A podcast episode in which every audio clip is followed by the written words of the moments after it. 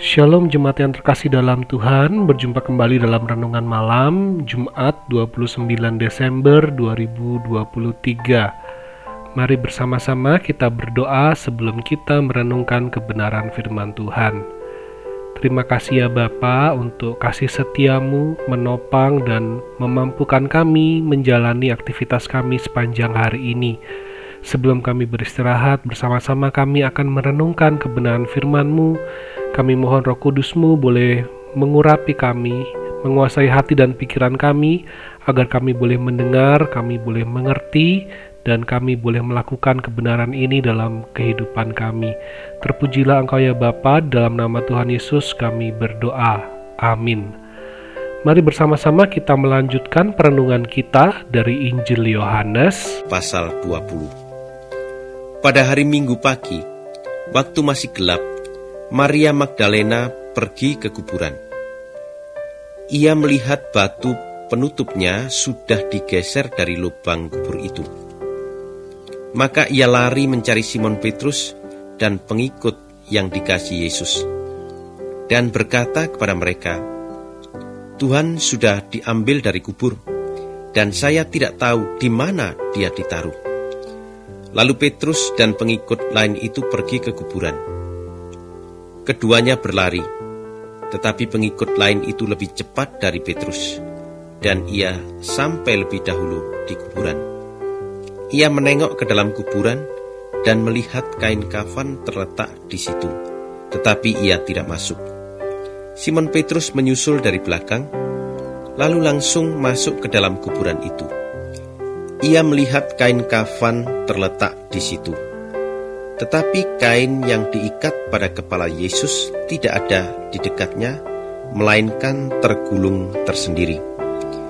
Kemudian pengikut yang lebih dahulu sampai di kuburan masuk juga. Ia melihat dan percaya. Sampai pada waktu itu mereka belum mengerti apa yang tertulis dalam Alkitab bahwa ia harus bangkit dari mati. Sesudah itu pengikut-pengikut Yesus itu pulang. Maria Magdalena berdiri di depan kuburan sambil menangis. Sementara menangis, ia menjenguk ke dalam kuburan, lalu melihat dua malaikat berpakaian putih. Mereka itu duduk di bekas tempat jenazah Yesus, yang satu di bagian kepala dan yang lainnya di bagian kaki. Malaikat-malaikat itu bertanya, "Ibu, mengapa menangis?" Maria menjawab, Tuhan saya sudah diambil, dan saya tidak tahu ia ditaruh di mana. Setelah berkata begitu, ia menengok ke belakang dan melihat Yesus berdiri di situ. Tetapi ia tidak tahu bahwa itu Yesus. Yesus bertanya kepadanya, Ibu, mengapa menangis? Ibu mencari siapa? Maria menyangka itu tukang kebun. Jadi ia berkata, Pak, kalau Bapak yang memindahkan dia dari sini, tolong katakan kepada saya di mana Bapak menaruh dia, supaya saya dapat mengambilnya. Yesus berkata kepadanya, Maria. Maria menoleh kepada Yesus, lalu berkata dalam bahasa Ibrani, Rabuni, berarti guru. Jangan pegang aku, kata Yesus kepadanya karena aku belum naik kepada Bapa. Tetapi pergilah kepada saudara-saudaraku dan beritahukanlah kepada mereka bahwa sekarang aku naik kepada Bapakku dan Bapamu, Allahku dan Allahmu.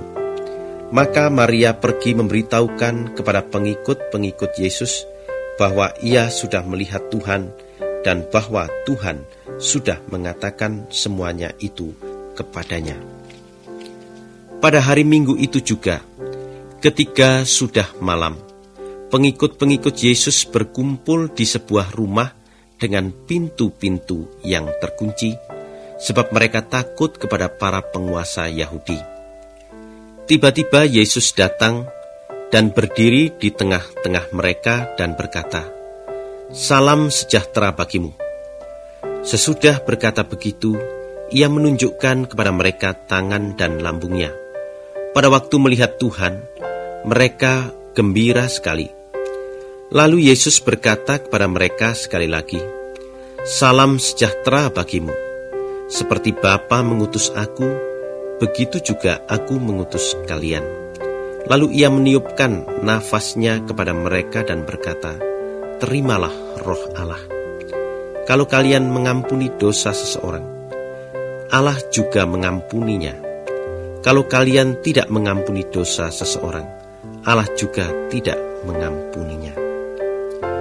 Thomas yang disebut si kembar, seorang dari dua belas pengikut Yesus, tak ada bersama yang lain ketika Yesus datang.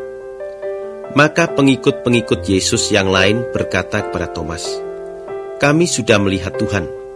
Tetapi Thomas menjawab, "Kalau saya belum melihat bekas paku pada tangannya, belum menaruh jari saya pada bekas-bekas luka paku itu, dan belum menaruh tangan saya pada lambungnya, sekali-kali saya tidak mau percaya.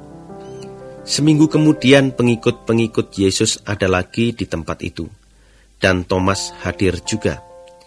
Semua pintu terkunci, tetapi Yesus datang dan berdiri di tengah-tengah mereka, lalu berkata, "Salam sejahtera bagimu." Kemudian Yesus berkata kepada Thomas, lihatlah tanganku, dan taruhlah jarimu di sini. Ulurkan tanganmu, dan taruhlah di lambungku. Jangan ragu-ragu lagi, tetapi percayalah. Thomas berkata kepada Yesus, Tuhanku dan Allahku. Maka Yesus berkata kepadanya, Engkau percaya karena sudah melihat aku bukan? Berbahagialah orang yang percaya meskipun tidak melihat aku.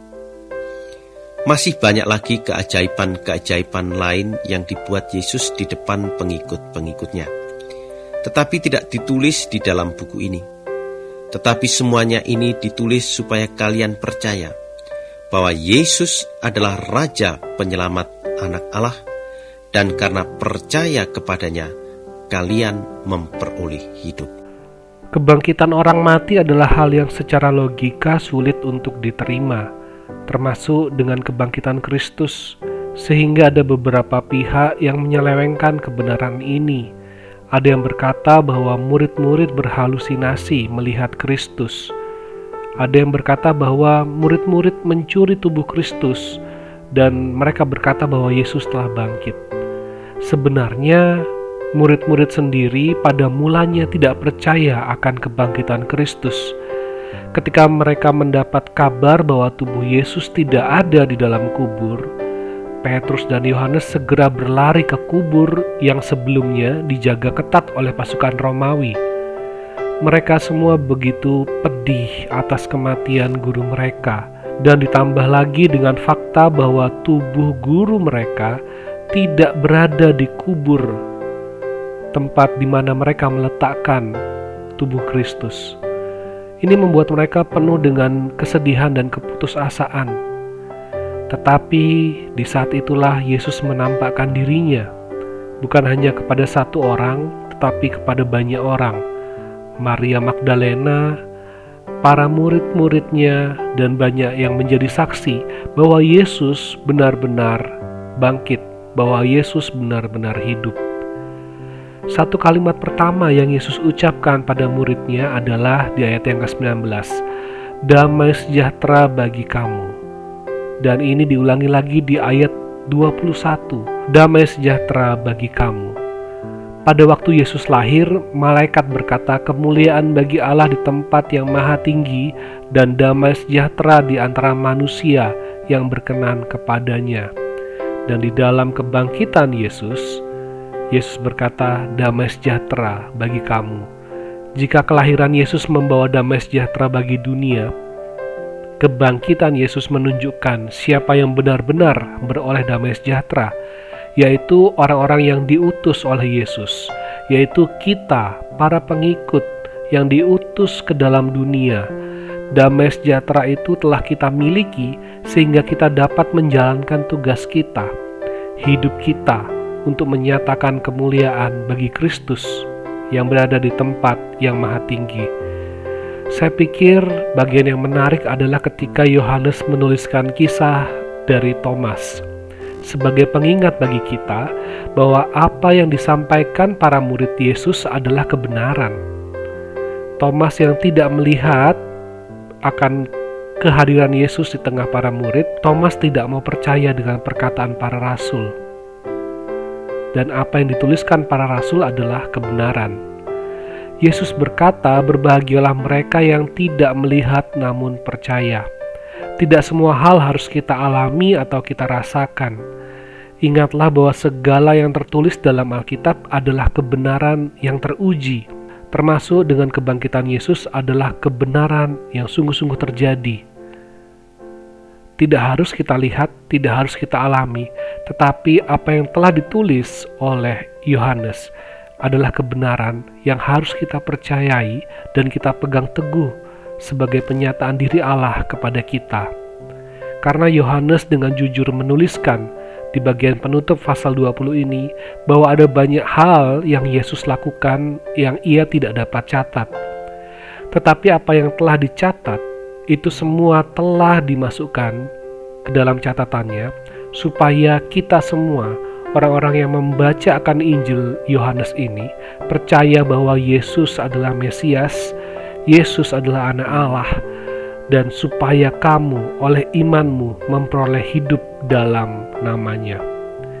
Yesus yang lahir di Bethlehem, Yesus yang mati di kayu salib dan dikuburkan, dan pada hari yang ketiga bangkit dari orang mati, yang menampakkan diri kepada murid-muridnya, yang memberi damai sejahtera, ia naik ke surga dan akan datang kembali membawa kita masuk ke dalam kemuliaan kekalnya. Nah, sebab itu mari kita percaya dengan sungguh kepada Yesus dan ketika kita percaya kepada Yesus artinya kita mau melakukan seluruh kebenaran firman-Nya. Kita mau mentaati firman-Nya dan kita mau melakukannya, menerapkannya dalam kehidupan kita hari lepas hari. Mari kita berdoa. Terima kasih Tuhan, firman-Mu sungguh membukakan hati dan pikiran kami bahwa kebangkitan-Mu bukanlah mitos atau dongeng, tetapi merupakan suatu kebenaran yang terjadi di dalam sejarah.